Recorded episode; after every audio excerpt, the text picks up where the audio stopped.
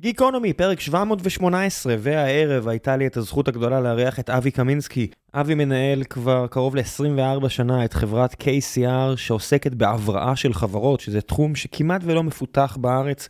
ברוב המקרים כשחברה נתקלת בקשיים ומגיעה למצב של חדלות פירעון, בדרך כלל ממנים מישהו שיפרק אותה וידאג אה, להציל כמה שאפשר מהחוב לנושים. אבל אבי והחבר'ה שלו, שזה לא הרבה אנשים, גיליתי במהלך הפרק, מגיעים בצורה שונה לגמרי ובצורת הסתכלות שונה לגמרי לחברות שנמצאות במשבר, כשהם באים, דבר ראשון, לרפא את החברה.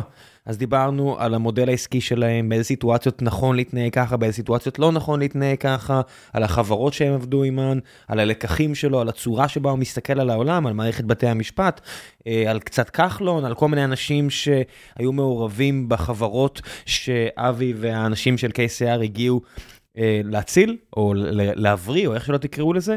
אחלה פרק עם מישהו שהוא מאוד מאוד שונה מהנוף הרגיל של יזמים שהיו כאן. ממש כיף גדול להכיר אותו וכיף גדול היה לי לשוחח עמו.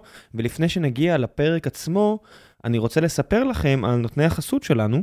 והפעם זו פלטפורמת לימוד האנגלית קמבלי. קמבלי תעזור לכם לשפר את האנגלית המדוברת שלכם באמצעות קישור לאנשים שדוברים את השפה כשפת אם, ועברו את קורס ההכשרה של קמבלי, והם ישוחחו איתכם בווידאו, ויראו איפה אתם חזקים יותר ואיפה אתם חלשים, וידעו לתקן לכם את הנקודות שבהן אתם לא מספיק טובים באנגלית, וזה יכול להיות שיעורים של אחד על אחד, או בשיעורים של uh, קבוצות. כל אחת מהאפשרויות זמינה לכם. זו אחלה פלטפורמה לעשות משהו שרובנו לא יכולים לעשות, וזה פשוט לתרגל את השפה. וזה מאוד מאוד חשוב אם אתם רוצים להשתמש באנגלית uh, ליום-יום, או אם אתם עכשיו uh, בדרך לאיזשהו מבחן בינלאומי כמו הטופל, אם אתם רוצים ללמוד למשל מנהל עסקים בחו"ל, אז זה מאוד מאוד חשוב. אם תשתמשו בקוד הקופון גיקונומי 14, גם תקבלו 60% הנחה, אבל זה עד ה-9 במאי. אני משחרר את הפרק הזה ב-1 במאי, זאת אומרת, יש פה בסך הכל 8 ימים לקבל את אותם 60% הנחה, מה שמוריד את המחיר לבסך הכל 49 שקלים. אחלה מחיר. תגיעו, תתנסו, הכי גרוע, תנסו משהו אחר. אני אישית מאוד אהבתי, אז המלצה חמה ממני. וזהו, בואו נתקדם לפרק עצמו. גיקונומי 718, מקווה שתהנו.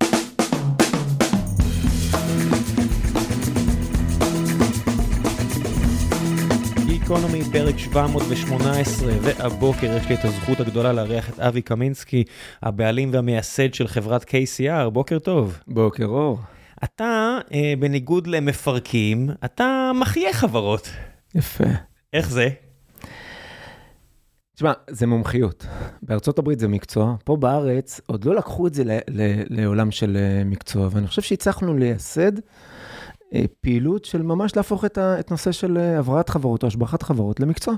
אני, מכיר השבחת חברות מהמקום של private equity, או hedge fund, שזה שם, שם מנומס ל... בוא ננקנק את החברה הזאת ונוציא את כל הערך האפשרי, או שאני מכיר מפרקים, כמו במקרה של אנרון, או עכשיו של חברות קריפטו כאלה ואחרות, שהרבה פעמים זה אותו בן אדם, שמגיע כדי לנסות להחזיר כמה שיותר לנושים, אבל הוא לא מנסה להחזיר חברות לבורסה כמו שאתה מנסה לעשות, הוא מנסה להציל את מה שיש.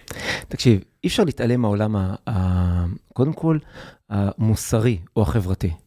זאת אומרת, מצד אחד, כשאנחנו מסתכלים, ואתה יודע, פעם בשנה אנחנו יושבים כל הצוות, ויושבים אצלנו בנקאים ומנהלים מאוד uh, מוכשרים, ורואי חשבון, אנליסטים, עולם של BI. אנחנו פעם בשנה עושים איזשהו אישור קו כדי לנסות להבין מה הצלחנו להשיג. ואתה רואה את כמות האנשים שאנחנו מצליחים לשמור את מקומות העבודה שלהם, שזה פשוט מדהים. אז קודם כל, צריך להבין, זה עולם חברתי, מעבר לעולם העסקי. וזה עולם שהוא ממש לא קר, כי כשאתה פוגש את אותן חברות ואת אותם אנשים שאתה חי איתם, לא ברמה של מפרק או מישהו שהולך עכשיו לעשות איזשהו הליך של חדלות פירעון, שדרך אגב, אני לא רואה בזה משהו רע, אבל כל עוד אתה מחבר את העולם החברתי לזה, ואתה רואה את המצב הנפשי שהם נמצאים, אתה מבין לפעמים שאין אלטרנטיבה חוץ מאשר לעשות recover לחברה. מי מממן, זאת אומרת, מי ממנה במקרה כזה, זאת אומרת, אני ראיתי עכשיו בעיתונות את כל מה שהיה עם Share אה, Fitness לדוגמה, עד שאוהד ואדם, יקירי הפוד, הגיעו, וביחד עם אה, שותפם רמי לוי החליטו לקנות את, החבר, את החברה. באיזה סיטואציה למשל זה לא מגיע לכיוון הזה ומגיע ל-KCR? אנחנו נמצאים בשני צמתים. צומת אחד כשחברות הגיעו לעולם של חדלות פירעון, בעיקר להסדרי חוב, ששם אנחנו לוקחים אותם יחד עם הבעלים ועושים תהליכי הטרנראונד. מי פונה אליך? בדרך כלל זה מגיע בעולם תוכן הזה מבעל התפקיד. בעל תפקיד מתמנה, רוצה לתת עזרה לחברה עצמה, אומר בוא ניקח גוף שילמד את הבעלים, ראה מה קורה, תיקון 4 או הסדר חוב בא ואומר, בוא הבעלים ינסו לשקם את החברה במטרה לעשות הסדר חוב. במילים אחרות נקרא לזה איזושהי תספורת כזאת או אחרת ל... ל... לאגרות חוב שהם... אה, נכון, לא, לבעלי החוב. זאת אומרת, זה כבר ברור uh, שהם פספסו כמה תשלומים, זה ברור לאיפה זה הולך, ולפני שכל העובדים נעלמים וכל הסיפור הזה יורד לטמיון ויורד לאפס. הם מגיעים לבית משפט, כן. ואז שם מנסים רגע לשקם את העסק. עכשיו, חלק לא קטן מהשיקומים האלה, נקרא לזה במרכאות, בסוף היום מגיעים להסדר חוב נוסף או לפירוק. ולכן צריך להבין שגם בעולם של חדלות פירעון זה מקצוע איך לסדר את העסק. אני אגיד יותר קיצונית מזה, אני נותן הרצאות לפעמים על מצב של חברות טובות שקונות חברות, חברה במשבר. אתה חברה טובה, אתה מרוויח כסף, אתה חושב שאתה מקצוען, אתה תדע מה לעשות, תמזג, תפעיל. יש לא מעט מקרים שאותה חברה שקנית בחדלות פירעון, וצריך להבין עוד פעם, זה מקצוע, שואבת אותך פנימה לאותו עולם תוכן. זאת אומרת, אתה מחברה טובה, הופך להיות חברה שעל סף חדלות פירעון, או שבאיזשהו מקום מנתק מגע מאותה חברה שקנית. כן, בדיוק היום אה, באיזה קבוצת אה, CTOים בה אני חבר, מישהו שלח, אני לא מבין איך WeWork שווה רק 300 מיליון דולר, שיש לה כל כך הרבה נכסים. אמרתי, יש לה הרבה נכסים, ויש לה גם הרבה חובות, שמי שיקנה אותה בשביל הנכסים, גם זוכה לקבל את החובות שלהם. שזה נכון. אז זה רגע העולם של חדלות פירעון. רוב הפעילות שלנו מגיעה מחברות שהן לפני הליך של חדלות פירעון, ששם מגיעים אלי, אלינו דרך הבעלים, או דרך הנושים, או דרך הבנקים, או כאלה ש... או דרך הדירקטוריון, יש לא מעט חברות אה, ציבוריות, או רב-לאומיות, שמגיעות אלינו וקודם כל באות ואומרות, אנחנו מבינים שיש בעיה. הנהלת החברה מבינה שיש בעיה. ואומרים, חברים, בואו תגידו לנו מה צריך לעשות. עכשיו, אני אגיד משהו שמדהים אותנו כל פעם מחדש, אנחנו מגיעים לחברות טובות עם מנהלים מצוינים, שלא מבינים שמשבר או טיפול במשבר זה מקצוע. עכשיו, אנחנו רואים מנהלים, אנחנו רואים בעלים שרגילים והכל טוב והכל טוב, ואז מתחיל איזשהו משברון. עכשיו מגיעים לטפל במשברון בכלים של עסק בהתנהלות רגילה, שהופך למשברון קצת יותר גדול, שהופך למשברון הרבה יותר גדול, ואז בסופו של דבר מביא אותם לסיטואציה שהם גם לא מצליחים להשתלט על האירוע. ופה הם מתחילים להשתמש בכלים שלא מתאימים לעולם המשברי. תן דוגמה. אוי, יש עשרות, אבל ניתן אולי את הדוגמה האחרונה שהייתה בתקשורת, נען דן ג'יין, חברת נען דן ג'יין, חברה מחזורים של אה, מאות מיליוני שקלים, אה, עם בעלים, חברה ציבורית הודית, הגיע אלינו לפני אה, בערך ארבע שנים בסיטואציה של קטסטרופה. עכשיו צריך להבין, כל העולם, פעילות רב-לאומית, שליטה לא פשוטה, ובתפיסת העולם שלהם הם לא היו משוכנעים אם נמצאים במשבר או לא. כשאתה אומר שליטה לא פשוטה, זאת אומרת, ה cap table שאתה מסתכל עליו, קטסטרופה, מלא בהחזקות קטנות, החזקות גדולות, לא מסתדרים ביניהם. חד משמעית, בין היתר. אוקיי. עכשיו אתה מגיע וקודם כל אתה מבצע ניתוח. עכשיו, ניתוח אצלנו, מה שאנחנו עושים, דוחות כספיים זה בסדר, אבל זה רק בקרה. בסוף היום אנחנו מתחברים לבסיסי הנתונים. ומתחילים לשאוב את כל בסיסי הנתונים כדי להבין מה באמת הבעיה של החברה. הגענו אליהם אחרי בערך שבועיים, שלושה, ואנחנו מציגים את מה צריך לעשות. מסתכלים על ופעם ראשונה באים ואומרים, לא ראינו את החברה שלנו ככה, זה קבוצה. לא ראינו אותה ככה. בשלב הבא אמרנו... רגע, רגע, זה מעניין אותי. מה זה אומר, לא ראינו את החברה שלנו ככה? מה, אתה מציג להם מאזנים של חובות, של אה, עלויות תפעוליות, של כמות עובדים, של מדד שביעות רצון? מה הצגת להם שהפתיע אותם? כשאתה מתייחס bottom up, זה קודם כל מה שנשמע אולי טריוויאלי. אתה מדבר על קווי מוצרים, על קווי פעילות ועל מדינות. אתה מנסה לעשות רגע חיתוכים בכמה אה, אספקטים, וכשאנחנו מדברים על בסיסי נתונים, אתה לא רואה את זה בדוחות הכספיים, אוקיי? אתה גם לא בהרבה מקרים רואה את זה בדוחות ההנהלה, כי מה שקורה, אתה מתחיל להכניס המון פריטים, וכל אחד מסתכל על זה בנתונים כספיים בצורה שונה. אנחנו, לפחות בתפיסת העולם שלנו, מתחילים מלמטה. עכשיו, כשאתה מתחיל מלמטה, שום דבר לא יכול להיעלם לך. קווי מוצר, אני חוזר, אה, קווי פעילות, כן, שזה כמה מוצרים. זה עולה משם לסיגמנט, למגזרים ולמדינות. כמה זמן לוקח לך, נגיד אתה נכנס לאירוע כזה, בוא נגיד יינות ביטן, גם חברה שאתם מכירים, נכון. אה, בעלות לא פשוטה, אה, אלקטרה, חובות, בסוף עסק מאוד תפעולי, 50 סניפים. כמה, אתה יודע, הסיפור בוער, זה לא שיש לך עכשיו זמן אה, לחשוב, כי זה עסק שהפער בין הרווחיות, או כביכול רווחיות, למחזור, הוא כזה שכל שטות שאתה לא תעשה, אתה יכול להיכנס לחוב על היוסטור. כי זה גם לא נעליים. עשית שטות, החלב החמיץ. כמה זמן יש לך להיכנס לעניינים? גדול. קודם כל, יונת ביתן זה הרבה יותר מ-50 סניפים. שניים, אה, אירוע של בדיקה לוקח בין שבועיים לשבועיים וחצי. תוך שבועיים וחצי אתה הצלחת להבין את העסק? כן, להבין מה קורה שם. עכשיו, איך, לא הולכים לישון? זה כבר אה, מתודולוגיית עבודה, אוקיי? זה כבר אנשים ש... שזה המקצוע שלהם אצלנו.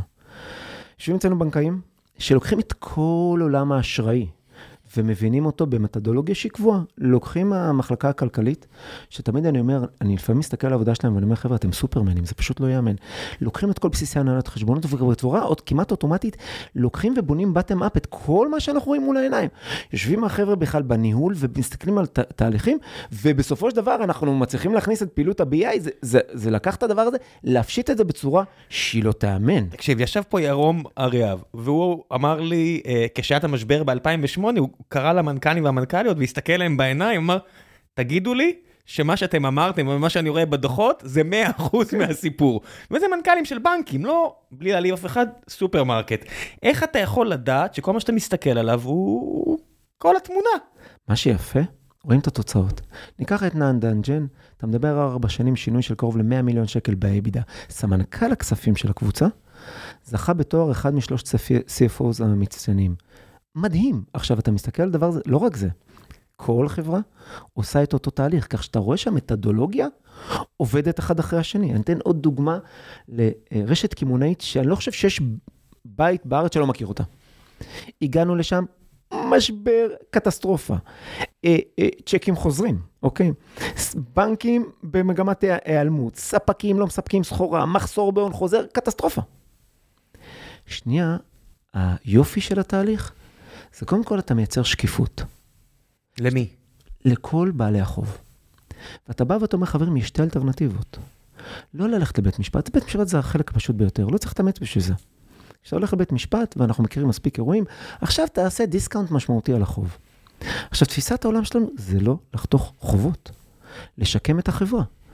ומה שמדהים, דרך אגב, זה שבסוף היום אתה רואה את כל הנושים מלווים את התהליך הנושי עם בעלי החוב, מלווים את התהליך הזה במטרה להשביח את החברות האלה, במטרה להביא אותם למצב שהם יחזרו לעבוד, יחזרו לספק סחורה, יחזרו לקנות סחורה ולצרוך אשראי בנקאי. שמע, הנושים האחרונים, שהרבה פעמים זה עובדים, אני מבין אה, למה הם זורמים איתכם, כי א', יש להם את התמריץ של משכורת, ב', הם יודעים שהם אחרונים ברשימה וכסף הם לא יראו אם הסיפור הזה יעלה באש. הנושים הראשונים, שהרבה פעמים זה האחרון שהביא הלוואה, לצורך העניין, הבנק. הם תמיד זורמים איתכם? הם תמיד אומרים, יאללה, קדימה? תקשיב, קודם כל, התמיד זה, זה בעיה, עוד לא פגשנו מקרה שבנק אמר לנו לא. עכשיו, זה לא, אנחנו לא ספקי אשראי. בתפיסת העולם שלנו זה לא להביא כסף. זה כשאתה בונה בעצם תהליך השבחה, אתה, אתה צריך לבוא קודם כל, אתה יודע, אני, אני אומר בהרצאות שלי, זה כמו שאתה עושה איש ברזל. אוקיי, באיש ברזל, יש לך אה, שחייה, אופניים וריצה. אבל איש ברזל, באמת של זה, מתחיל קודם כל במשמעת, בתזונה, תבוא במשמעת נכונה, במשכן המתאים, לעשות את החלק הטכני, כולם יודעים לעשות. מה כולם יודעים לעשות? תשע שעות של גיהנום? עזוב אותי. אין לזה, זה לא גיהנום, תקשיב, אם אתה בא מוכן בראש, ואם אתה במשקל הנכון, כל מה שנשאר לך זה לעמוד על המכונה ולעבוד. הם יודעים לעשות את העבודה שלהם יותר טוב מאיתנו. אני לא אלמד אותם להפעיל מכונות, אני לא אלמד אותם להפעיל מפעל. אנחנו מלמדים אותם, זה סיפור אחר. אני אלמד אותם לעשות בקרה נכונה, משמעת נכונה, את כמות כוח האדם הנכון, ולהביא את העסק ממצב של קטסטרופה לרווחיות. אנחנו רואים במשבר הזדמנות. הזדמנות עסקית, עסקית מדהימה לעסק, שבא ואומר, אוקיי, לרגע, קצת התבלבלנו בדרך, בואו נחזור לנתיב. לראות תהליך כזה זה מדהים. אתה נכנס לחברה, כולם רואים את המשבר, אנחנו רואים את ההזדמנות להציל, להבריא, להשביח, אנחנו מראים להם את, ה, את, ה, את הציר הזמן. הם לא מאמינים. ופתאום אתה רואה איך תוך שלושה חודשים הכל נראה אחרת. קורה שצריך לגייס כסף בשבועיים, שלוש, ארבעה הראשונים האלה? אנחנו משתדלים שלא, אם אין ברירה כן, אבל אנחנו משתדלים שלא. ואם צריך, אז עכשיו אתה צריך להסביר להם למה צריך עכשיו לכווץ את הערכת שווי כדי uh, להכניס בדיסקאונט מישהו ואין מה לעשות? זה עוד לא קרה לנו, אבל אם נצטרך לעשות את זה... באמת? זה לא קרה לכם? כן, זה מדהים. טוב, כי אתה בורר את הלקוחות שלך, אתה בורר את השותפים שלך. נכון. כי אני מניח שיש כאלה שבאים אליך ואתה אומר, אני לא רוצה להגיע לספינה הטובעת הזו. זה משני טעמים, אחד, כי אנחנו לא מאמינים שאפשר להציל, ושתיים, יש מקרים שאנחנו מאמינים שאפשר להציל, אבל בעצם הבעלים לא מתחברים לתפיסת העולם שלנו. שקיפות, הוגנות ותהליך ארוך טווח. אם שלושת הדברים, המרכיבים האלה לא עובדים, אין לנו מה להיכנס פנימה. קורה שאתם צריכים להחליף חלק מההנהלה? זאת אומרת שאתה אומר, אה, אנחנו משתדלים שלא, לפעמים אין ברירה, ואנחנו משתדלים, משתדלים שלא, כי צריך לזכור, זה כמו שאמרתי באיש ברזל, בסוף היום, האנשים יודעים את המקצוע שלהם יותר טוב מאיתנו, אנחנו לא נלמד חברת הייטק מה לעשות, כן? אתם הרבה יותר טובים מאיתנו, אבל אנחנו נלמד אתכם את הדרך, את הבקרה וצורת ההתנהלות. אנחנו מייצרים אקזקוטיבה בחברה, שנותנת צוות של מומחים לאותה הנהלה ומלווה אותה יד ביד בכל משבר. אנחנו תחת האלונקה, לפעמים האלונקה על הגב שלנו, יותר מאשר אצלם, כדי לצלוח את המשברים. לפעמים לא מאמינים שאפשר לעשות את זה. אנחנו מראים להם אחרי זה בדיעבד כמה זה קל. כמה זמן בממוצע תהליך כזה לוקח עד שאתם אומרים סיימנו? אנחנו נכנסים לחברות לשלוש שנים, זה ההסכם? זה ההסכם. אנחנו חיים בעיקר ממה שייצרנו. מקבלים equity או שפשוט אה, שכר קבוע? שכר קבוע, אבל בעיקר חיים מה-upside שייצרנו. איך זה יכול, איך זה מסתדר? אם זה שכר קבוע, אז איפה ה-upside עבורכם? כי בסוף היום, אם ייצרנו, תראה, אנחנו משתדלים לא להיכנס לחברות שאנחנו לא רואים את היכולת, ואנחנו פגשנו את המשברים הכי קשים. שאנחנו לא מסוגלים להגיע לסיטואציה שאנחנו מייצרים בין 10 ל-20, 30, 40 מיליון שקל אבידה בשנה שינוי. עכשיו, כשאתה נכנס פנימה, אנשים לא מאמינים שניתן לעשות את זה. עכשיו, מה שיפה, הם תמיד חותמים ואומרים, הלוואי ונגיע לשם. אני אומר להם, כשהם חותמים על ההסכם, תזכרו את היום הזה, כי אתם תשלמו את הכסף. באמת, הם משלמים גם בחיוך. י- יש תחומים שאתם מרגישים שזה פחות הספיישלטה שלכם? לא יודע, עכשיו אני מסתכל נגיד על אה, נדל"ן בארץ, ואני אומר, אוקיי, עדיין לא ראינו פה חברות מתחילות אה, לקרוס, אבל אני יכול לקחת הימורים לגבי ימינה-שמאלה ולראות מי, מתי ואיך. אולי אני טועה, אבל אתה יותר טוב מזה ממני. ואני אומר, זה תחום שהוא נראה לי נורא קשה, כי כמה כבר אתה יכול להזיז כשיש נכס שלקחת עליו הלוואה ולא נמכר? תקשיב, זה עסק אה, מדהים. ברור שזה עסק מדהים. הצלנו עד היום עשרות חברות, נדל"ן? גם נדל"ן, גם ביצוע, גם יזמות, מכניסה לקטסטרופה. הרי אנחנו, ה-last frontier, אנחנו אלה שמונעים מהם להיכנס לחדלות פירעון, אנחנו מקבלים אותם. תראה, נכון להיום, אנחנו מנהלים, אנחנו בונים קרוב ל-5,000 יחידות דיור, האנשים שלי שמנהלים את האירוע. לא רק זה, KCR. KCR. בונה כן, 5,000 תקשיב, יחידות. זה מטורף, אתה לפעמים מוצא את עצמך באירועים שאתה אומר, זה לא ייאמן. מה זה אומר ש-KCR בונה 5,000 אה, חברה יחידות דיור? שנכנסה לקשיים, שאנחנו הגוף שבסוף היום מכיל את האירוע, שום דבר לא זז בלי הנוכחות, המעורבות, והאנשים שלנו שבסוף היום מנהלים את האירוע הזה.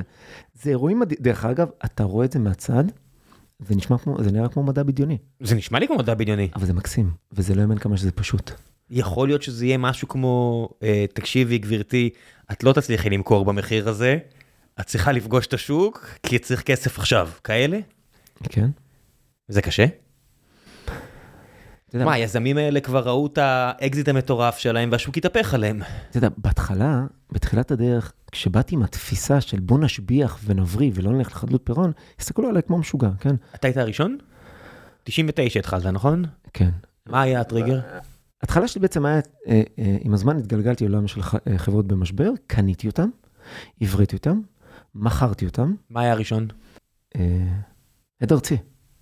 הופה, כן. עד ארצי איזה שנה? עד ארצי, אז עכשיו סיבכת אותי.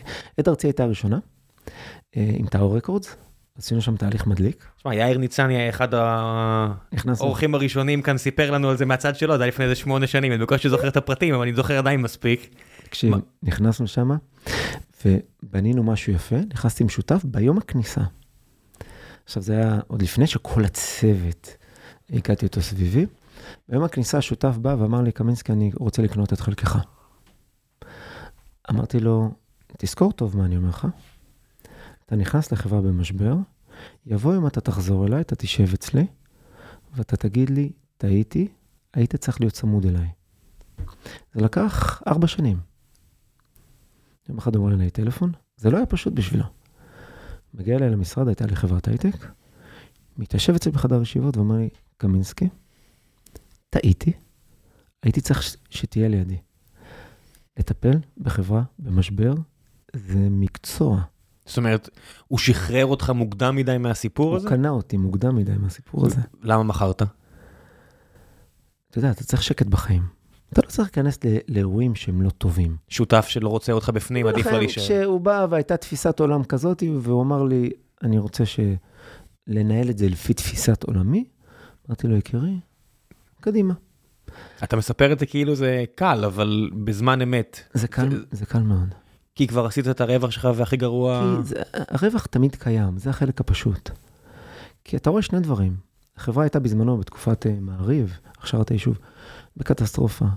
והאם היא תחיה או לא תחיה, ולקחנו את כל הקבוצה הזאת, עם כל החברות, קודם כל יצרנו לה חיים מסודרים, תהליכי עבודה, צורת נכ... אה, רכש, בכלל, ומשם הוא לקח את עוד צעד אחד. דרך אגב, אני חייב להגיד שכל חברה שהייתה בבעלותי, מה שיפה, עד היום לא נסגרה. זאת אומרת, ידעתי לקחת אותם, לסדר אותם, לארגן אותם ולהעביר אותם לידיים שידעו להמשיך איתם הלאה. אה, ש... ומשם הפכנו את זה למקום שאנחנו לא קונים. כשזה היה עד ארצי, זה כבר היה KCR או שזה היה לא. קמינסקי איש פרטי? זה היה קמינסקי, אבל בוא, עדיין מאוגד באותה חברה. אתה יודע, אני אחזור רגע לדוגמאות. קח, דוגמה אולי אחת מהיפות, קח את רשת אפרודיטה. הלבשה תחתונה. כן. פשוט, נחמד. הגענו לשם, אתה רואה, דרך אגב, מה שאנחנו אוהבים אצלנו, זה עולם של בסיסי הנתונים. בעלים מקסים, מדהים, נשמה טובה, הגענו לאירוע משברי. אני חייב לשאול, בסיסי נתונים אפרודיטה, זה, זה אקסלים, זה, זה אקסלים פנקסים. וכסף, אקסלים וכסף והנהלת חשבונות.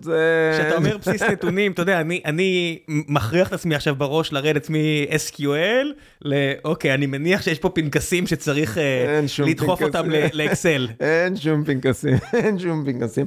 אבל אתה, אתה רואה בן אדם מדהים, מקסים, שבאיזשהו מקום העסק כבר הפך להיות לגדול, מורכב, וכמו שאמרתי, אתה מתחיל מאיזושהי בעיה קטנה, שהופכת להיות בעיה קצת יותר גדולה, קצת יותר גדולה, ופתאום זה מתעורר. כשאתה אומר בעיה קטנה, גדולה, זה בעצם אה, חובות לעומת הכנסות?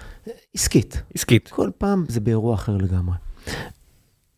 יכול להיות סניף שפתאום uh, קורס ומתחיל להפסיד. יכול להיות הכל, חלומות שלפעמים אתה בא ואתה אומר, יש חלומות. דרך אגב, בן אדם יזם, לא פגשתי הרבה יזמים כאלה, הוא רואה עשר שנים קדימה. אבל בין העשר שנים קדימה לבין מה שקורה היום, יש עדיין פער שמישהו צריך להשלים אותו. בשורה הסופית, כשזה נמכר למוטי בן משה, ועשה שם לדעתי עסקה יפה, אתה מסתכל אחורה, מרים טלפון ואומר, תשמע, אבי, לא האמנתי ביום שנכנסתם, שלפה אני אגיע. כי היופי בסופו של דבר, אותו הדבר, אתה לוקח את הרשת הזאת, עם כמות העובדים האדירה שיש לה, עם הנוכחות בסניפים, ואתה מצליח להעביר אותה לשלב הבא שלה. יש הבדל אם החברה היא כבר אה, ציבורית או לא? אנחנו מטפלים בחברות ציבוריות, אין שום הבדל. אני יודע שאתם מסתכלים, אבל השאלה אם יש הבדל או לא. שום הבדל. אין הבדל. מבחינת, לא יודע מה, אנליסטים שמתקשרים, לחץ ממשקיעים. אני חושב שהיפה היום, כששומעים שאנחנו בפנים, פתאום מתחילים להירגע. עכשיו, למה להירגע? כי יודעים שני דברים. יש שקיפות ברורה, אין שום דבר שילך ימינה, שמאלה, למעלה, למטה, הכל יהיה על השולחן לטוב ולרע. עדיף לדעת את הבעיה ולהתמודד איתה, מאשר להיכנס לאירוע מתגלגל. באירוע מתגלגל זה אף פעם לא נעצר. כשאנחנו הגענו ליונט, יש את יונט וגיבוי. הגענו ליונט, כל... יונט, רגע, שנייה, למי שלא מכיר, יונט וגיבוי, שתי חברות של אה, אשראי חוץ-בנקאי, משהו שהיה נורא נורא פופולרי בחמש-שש שנים האחרונות. אה, גיבוי תחת אה, ידיו הבוטחות של אחד מהחתמים הכי כוכבים בשמי ישראל. יונט מהצד השני, תחת ידיו הבוטחות של יו"ר שהיה שר האוצר לשעבר. שתי חברות שאמורות היו להגיע למקומות זוהרים, בטח בעולם של ריבית אפס, כש... יש הרבה אפשרויות אה, לעשות כסף מחוץ לבנקים, בריבית גבוהה, שהמים אה, נמוכים, קצת קשה לעשות את זה, אבל שהמים גבוהים, כולם חוגגים. אה, אך שתי החברות האלה מגיעות לקשיים מאוד מאוד רציניים, בלאגנים, אנשים צועקים נוכלים, המשקיעים מחפשים את הכסף שלהם, חוב הולך ועולה, אתם באים לתמונה.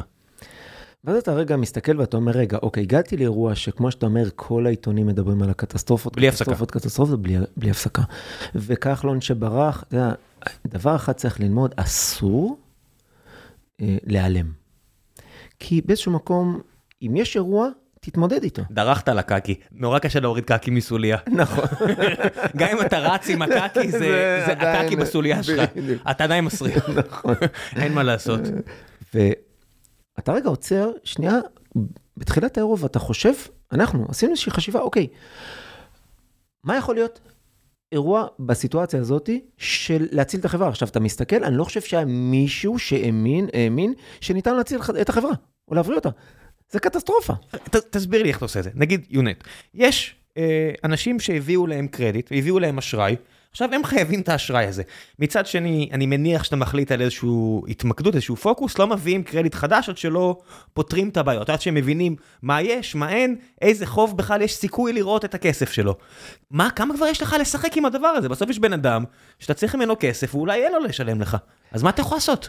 אז ככה, אחד מהדברים שקורים בעולם של חדלות פירעון, ובואו ניקח את זה לאקסטרים, חברה כזאת, לא לאקסטרים, גיבוי נכנסה לחדלות פירעון, החייבים לא משלמים. הפסיקו לשלם את הקרן. למה לשלם? עכשיו אנחנו מבינים את הדיפולט. אז אתה הולך בהליכים וזה שנים וכולי וכולי ותראה את הכסף כשתראה את הכסף. אולי תראה. נכון.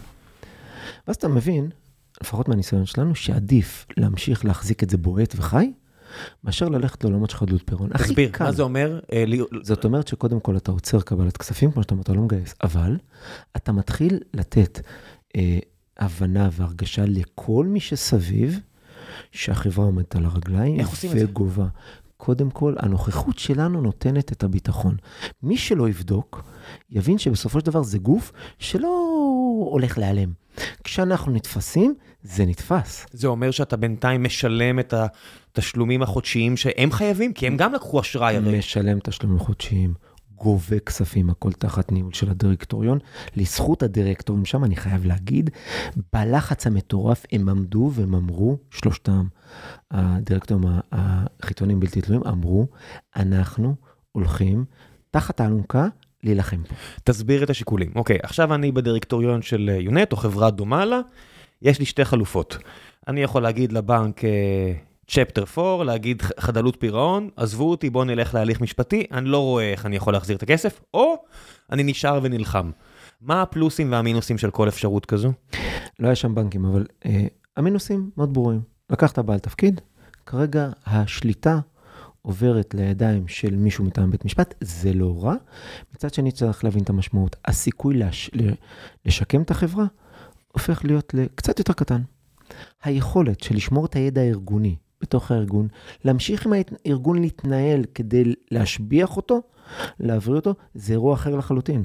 הסיכוי לעשות את זה לפני כניסה לבית משפט, מאשר בתוך בית משפט, הסיכוי להבריא הרבה יותר גדול לפני שהגעת לבית משפט.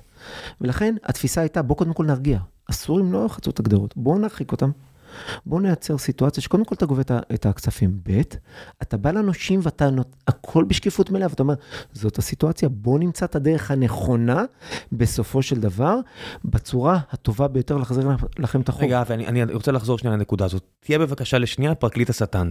אוקיי. באיזה סיטואציה דירקטוריון צריך להגיד, לא, המצב רע מדי, עדיף לי ללכת לחדלות פירעון. באיזה סיטואציה עדיף אין... לא ללכת עם אבי. אם אין לו גוף מקצועי שבא ומתווה את הדרך. בסוף היום הדירקטוריון יקבל את ההחלטה, או הנהלת החברה הבעלים. אבל אם אין גוף מקצועי שאומר, תקשיבו, זאת הדרך, שבתהליך עצמו אתה לא מייצר גירעון בהפעלה, זאת אומרת, אתה בסוף היום יודע... אתה לא מגדיל את הבור, אתה לא מעמיק את הבור. אתה לא מעמיק את הבור. אתה יוצר, אתה לוקח גוף מקצועי, דרך אגב, זה מה שאומר החוק. ואתה בסוף היום לא מגדיל את הבור ומייצר ערך לדבר הזה. ואני חייב להגיד שאנחנו מסתכלים היום על גיבוי ויונט, ליונט יש סיכוי יותר רב. אה, ננצל, ודרך אגב, גם מתנהלת. חזרה חזרה למסלול, יצאנו החוצה, שלנו עשינו. יש סיכוי שיונט תגיע לבורסה שוב? היא בבורסה, יצא עם נושא דוחות כספיים והיא תחזור להיסחר. ומפה, היכולת להש, אה, אה, להשתקם, כי היא השתקמה, נעוצה אך ורק בידיים של החברה עצמה. פתאום היום העתיד נמצא בידיים של מי שמנהל אותה, של הדירקטוריון. זה לא היה לפני כן. מה לגבי האפשרות, אתה יודע, בסופו של דבר, בהרבה מקרים למשל של private equity או hedge fund, הרבה פעמים, כמו שאמרתי, מייעלים את החברה, מפטרים את כל מי שלא צריך להיות, מי שלא חייב להיות, והם מוכרים, כי זה לא העבודה שלהם להישאר עכשיו 20 שנה שם. אני מסתכל למשל על יינות ביטן, כמו שאמרת, הרבה יותר מ-50 סניפים, כמו שאנחנו יודעים, הסניפים האלה בטח עכשיו עוברים שיפוץ מסיבי, יהיו קרפור בקרוב, מנכ"ל קרפור ישראל, ישראלי יהיה פה עוד חודשיים, יספר על זה מהצווית שלו. אה, איך מקבלים את ההחלטה הזו בכלל? זאת אומרת, איך זה נראה ההליך של האם אה, לנסות אה, לשמר את המותג, להילחם עליו, או חברים, יש פה נכסים שמישהו אחר יעשה איתם יותר טוב? אז ככה, אנחנו הגענו לעינות ביטן בשיא המשבר בין הבנקים לבין, ה, לבין נחום ביטן. אנחנו הגענו לשם כשכולם ובכל מקום בעיתונים היו משוכנעים שיינות ביטן הולכת לחדלות פירעון.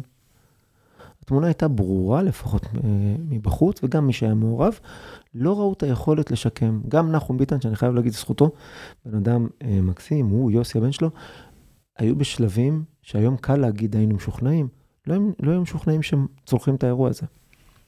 כי הם אמרו לך או כי אתה יודע לפענח את נפש האדם? ב', נקסט. שניהם ביחד, אבל מה שאני רוצה להגיד, זה לרגע אתה צריך להסתכל בראייה קרה. עדיין עסק שמייצר אבידה חיובית, יפה, בעיות תזרים מזומנים, בעיה של אמון בין בעלים לבין מערכת בנקאית מממנת, עדיין, חלק גדול מהמקרים, תיצור שקט, תייצר אמון, סדר, פתאום תראה איך הדברים מסתדרים. אנחנו הגענו בסופו של דבר לכל התהליך, עד שזה היה בעיתונים, אז גם uh, קרן שקד וגם uh, דימרי כבר היו על סף חתימת הסכם. בסופו של דבר הגיעה אלקטרה, ולא משנה הסיבות, קנתה. אתה מסתכל היום בדיעבד, ברגע שאלקטרה נכנסה, את תפקידנו סיימנו. אתה מסתכל היום... קנו אותך החוצה, מה הכוונה? מצוין. את, אנחנו נשאר. אנחנו, את תהליך ההשבחה או ההבראה עשינו יחד איתו, ועם ההנהלה, דרך אגב, שעשו עבודה מדהימה. אבל היופי, אתה רואה את אותם מנהלים ואותם בעלים בקטסטרופה, ופתאום בנקודה שמישהו אחר לקח את השליטה ואת ההובלה, ואתה פתאום רואה מה זה עושה. אז היום קל לבוא ולהגיד, זה היה זה היה ברור, כן? אף בן אדם בר דעת, וקראתי, אני חושב, כל כתבה שדה מרקר כתבו על סופרים בארץ, כל כתבה כזאת, אני רק קורא אותה ואני אומר, אללה, יוסטור, איזה עסק קשה זה. אין אף בן אדם שרואה את הדבר הזה ואומר, זה היה קל. אני לא מבטיח לך, אין אף בן אדם שחושב שלהבריא רשת סופרמרקטים זה קל. זה נראה לי עסק קשה, מרווחים זעירים, זה באמת, אני מסתכל מהצד ואני אומר, לא בשבילי. דיברנו על עולם של בסיסי נתונים, הכל מגיע מלמטה. זה קל לראות לפעמים, זה נשמע אולי הזוי, זה קל לראות, המספרים קופצים לך. אני אלך עכשיו לקיצוניות עוד יותר קיצונית, בסדר? אה, מלונות, בסדר, אתה רואה מלונות בתקופות קשות, פתאום אתה מצליח לראות מלונות שאנחנו לוקחים לידיים, שהיו בקטסטרופה לא הרוויחו בחיים, פתאום העסק הזה הופך להיות לזהב. מה, מה השינוי? מה הדלתא בהתנהגות? זה תמיד אותו הדבר. ניהול. תקשיב, תקשיב, כשאתה נכנס לחברה תעשייתית, מסחרית, ואתה מכניס מערכת BI, אבל זה לא מערכת BI מהמקום של בוא ניקח חברת טכנולוגיה שמכניסה BI, אלא בוא ניקח אנשים שיודעים קודם כל לשאול את השאלה המחקרית, אוקיי? שבאים מהביזנס, ומשם לייצר את, ה, את המוצר שידע לתת לנו את האינפוט המחקרי, וזה סיימת את האירוע. כן, מה ה-KPI? מה ה-Key Performance Indicator? ברגע שאתה יודע על מה אתה מסתכל... נגמר. זה, זה נשמע טריוויאלי. זה ממש אה, לא. זה לא טריוויאלי לבחור את המטריקה, את המדד הספציפי, שאם הוא ילך למעלה וימינה, הכל יהיה טוב. אתם אומרים, מה הבעיה, רשת סופרים, אז בואו נגיד הכנסות. אבל זה לא עובד ככה, בגלל שהמרווחים כל כך קטנים ברשת סופרים, גם אם ההכנסות עולות למעלה, זה לא בהכרח אומר שהעסק טוב יותר. להלן, תראו, מסעדנים כמו אייל שני, שאתם מסתכלים, יכול להיות תור עד קצה הרחוב, אבל העסק פושט הרגל. עם אוכל זה הכי קלאסי. נכון. כי ניהול לא טוב, לא משנה אם ההכנסות הולכות ועולות, כי יכול להיות שההוצאות עלו הרבה יותר מהר. אז אתה צריך לבחור את ה-KPI הנכון, וללכת על רווח זה, זה טריוויאלי מדי, כי זה לא עובד באמת, רווח. ולהיות קר. בסדר, אז העובדה שאתה עושה תחרויות שנמשכות 9-10 שעות נראה לי עוזר, הסיפור הזה. מתי התחלת עם איירון מן? אה, אני בתחום הזה כבר שנים, אבל אה, תן לי רגע. לא, לא, תן, תן, תן, תן לי, אני מתעקש. אני רוצה לדעת uh, לוחות זמנים. מתי עשית איירון מן ראשון לעומת הקנייה של עד ארצי? אני רוצה לראות פה לא, לא, התכנסות בלוחות זמנים. איירון מן עשיתי באחרון ב-19 כמדומה, 19 אני חושב. לפני הקורונה. כן, אבל אני חייב להגיד משהו, זה, זה, הספורט זה מה שמאזן. את המוח בקצבי העבודה שאנחנו עובדים. אתה חייב בסופו של דבר שיהיה לך משהו שיאפס או, או יאזן, המילה יאזן יותר נכונה, אותך, כי אנחנו עובדים בקצבים. אתה לוקח את המנכ"ל אה, שמזמין אותך לאיזה הליכה ארוכה או ריצה לחשוב ביחד? לא, אני צריך, את, אני צריך את החבר'ה שלנו, ואתה יודע, אתה מגיע רגע לעולם של הספורט, ושם אתה עם, ה, עם הקבוצה, עם החברים, זה הזמן שלך להתפרק ולצחוק כן. ולעשות, כי זה המקום. כי זה לא, אתה לא רוצה את החבר'ה שהכניסו אותך לעסק, אתה רוצה קצת מנוחה מהם. אתה צריך מנוחה לעולמות תוכן, אז, ואנחנו... אז תגיד לי, נגיד, יש אתכם, ואתם קיימים מ-99, עשרות חברות שעזרתם להם. מהצד השני, אני רואה את הענקיות הייעוץ האמריקאיות, ביין ומקינזי, וזה לא שחסר להם קשרים, הבת של אה, גליה מאור הובילה פה את מקינזי ישראל, אז עם כל הכבוד, קשר לבנק יש לה. איפה, איפה עובר הקו ביניכם לבינם? כי בסופו של דבר הם מתיימרים לעשות משהו דומה, רק עם כביכול אה, שם של אה, לא יודע מה. אללה יוסטור ולהקתו. אנחנו לא חברת ייעוץ. אבל הם כן, אבל הם גם בסופו של דבר מתיימרים לעשות מה שאתם אומרים שאתם עושים, לא? אנחנו בסוף היום לוקחים את החברה ומובילים אותה, את כל התהליכים בידיים, כדי להגיע לאיפה שצריך להגיע. איך זה נראה בחדר? אנחנו לא שמים חוברת ונעלמים. אנחנו נמצאים תחת לאלונקה, צריך להבין את האירוע. יש בעיות בבנקים, אנחנו בבנקים. איתם? איתם. או במקומם? איתם, ביחד. יש בעיה עם שותפים, צריך להבין, אנחנו שמה צמודים אליהם, כתף לכתף לאורך כל הדרך. זה לא מסתיים בדוח והלכנו. צריך להבין את המשמעות. זה לא אותו עולם תוכן. אני בתפיסה, תמיד אומרים לנו, "את- אתם חברת ייעוץ. אנחנו ממש לא. חברת ייעוץ, אנחנו חברה שנכנסת ומלווה תהליך. בארה"ב, דרך אגב, זה, זה, זה קרנות של מיליארדים, כן? שזה מה שהם עושים. הם גם באים עם כסף לאירועים. אני עדיין לא שמה. הכסף זה כדי לקנות equity בעצמם, ואז היכולת להרוויח גדלה הרבה יותר. נכון. אני, equity, מניות, כאילו אחוזים בחברה, ואז אם אתה מצליח להשביח אותה, נשארת עם הרבה יותר ב- ביד. זאת אומרת, כל ה-alliot למיניהם, שהם הגביע הקדוש של העסק הזה. חד משמעית. אתה יודע, אני רוצה להחזיר אותך רגע לתחילת השיחה. נושא של שליחות חברתית. אני אתן דוגמה. לפני שנים הגענו לח, לחברה בשם אה, כל יכול. כל יכול, מזיכרוני, הייתה המעסיק השני בגודלו של אנשים עם צרכים מיוחדים. מה שיפה בחברת כל יכול, היזם זה גיל וינץ', בחור מאוד מוכר, הוא ואשתו. אה, בתחום, תפיסת העולם שלהם זה להעסיק אנשים עם צרכים מיוחדים בשכר רגיל, לא שכר מותאם. כי תפיסה שלהם אומרת, בן אדם שמרוויח שכר רגיל כמו כל אחד, גם כלפי עצמו נראה אחרת. דרך אגב, מדהים, הם היו חדלי פירעון. חוקית, זאת אומרת, באמצע התהליך של הבנק. כן. עכשיו, לפני, אני חושב, שלוש או ארבע שנים, הזמין אותי לעשר שנים לחברה. תופס אותי ומחבק אותי, דרך אגב, אחד מהאירועים היותר מרג- מרגשים שהייתי. הוא אומר לי, אבי, ברגעים הכי קשים, היחידי שהאמין שאפשר להציל את החברה הזאת, זה אתה. היי חבר'ה, לפני שנחזור לפרק הזה עם אבי, אני רוצה לספר לכם על נותני החסות שלנו, והפעם זו חברת הפניקס שמציעה ביטוח דירה החל מ-35 שקלים בחודש, ויש לכם ביטוח דירה. כנסו, תראו את כל האפשרויות שלהם, יש שם ביטוח תכולה לדירה, ביטוח משכנתה, ביטוח מבנה לדירה, אנחנו הלכנו איתם בבית, מאוד מרוצים. כנסו, תראו, והמלצה אישית ממני. ועכשיו, בחזרה לגיקונומי עם אבי קמינסקי, מקווה שאתם נהנים. גם אנחנו לא האמנו שאפשר לעבור את התהליך הזה, ואותם אנשים שעובדים וחיים ונושמים, וזה העולם תוך, זה העולם שלהם. זה, הם הולכים הביתה, חוזרים חזרה למקום הזה שנקרא כל יכול. אין להם עולם אחר. לא האמינו שהדבר הזה הוא בר שיקום. היופי של מה יצרנו, הבאנו אותו וחיברנו אותו רגע לעולם העסקי. איך לקחת את העסק שלו? לתת פרמטרים עסקיים, ואתה מסתכל ואתה אומר, בסוף היום אז זה כל יכול, ותיקח את זה כמעט לכל חברה. זה שליחות חברתית, מעבר לעולם העסקי. ואם תסתכל על זה רק כעולם עסקי קר, לא תגיע לשום מקום. אם תסתכל, תיקח גם את המחויבות האישית לשליחות החברתית, זה כבר השלמה מלאה. בסוף לשים כסף בכיס של אנשים, פרנסה, עבודה הוגנת, בתמורה ל- לערך, יצירת ערך, זה בעיניי ציונות. באמת, אני אומר את זה בלי גרם של ציניות. כל עסק שקם בארץ ועובד ומצליח ולא מתרסק, זה ציונות מבחינתי. תראה, אנחנו, יש חברות שלא מתאימות לנו. יש שהן קטנות מדי לצורך העניין. אמרת, אם האיביטה לא יכול לגדול ב-10 עד 40 מיליון שקל, לא בשבילך.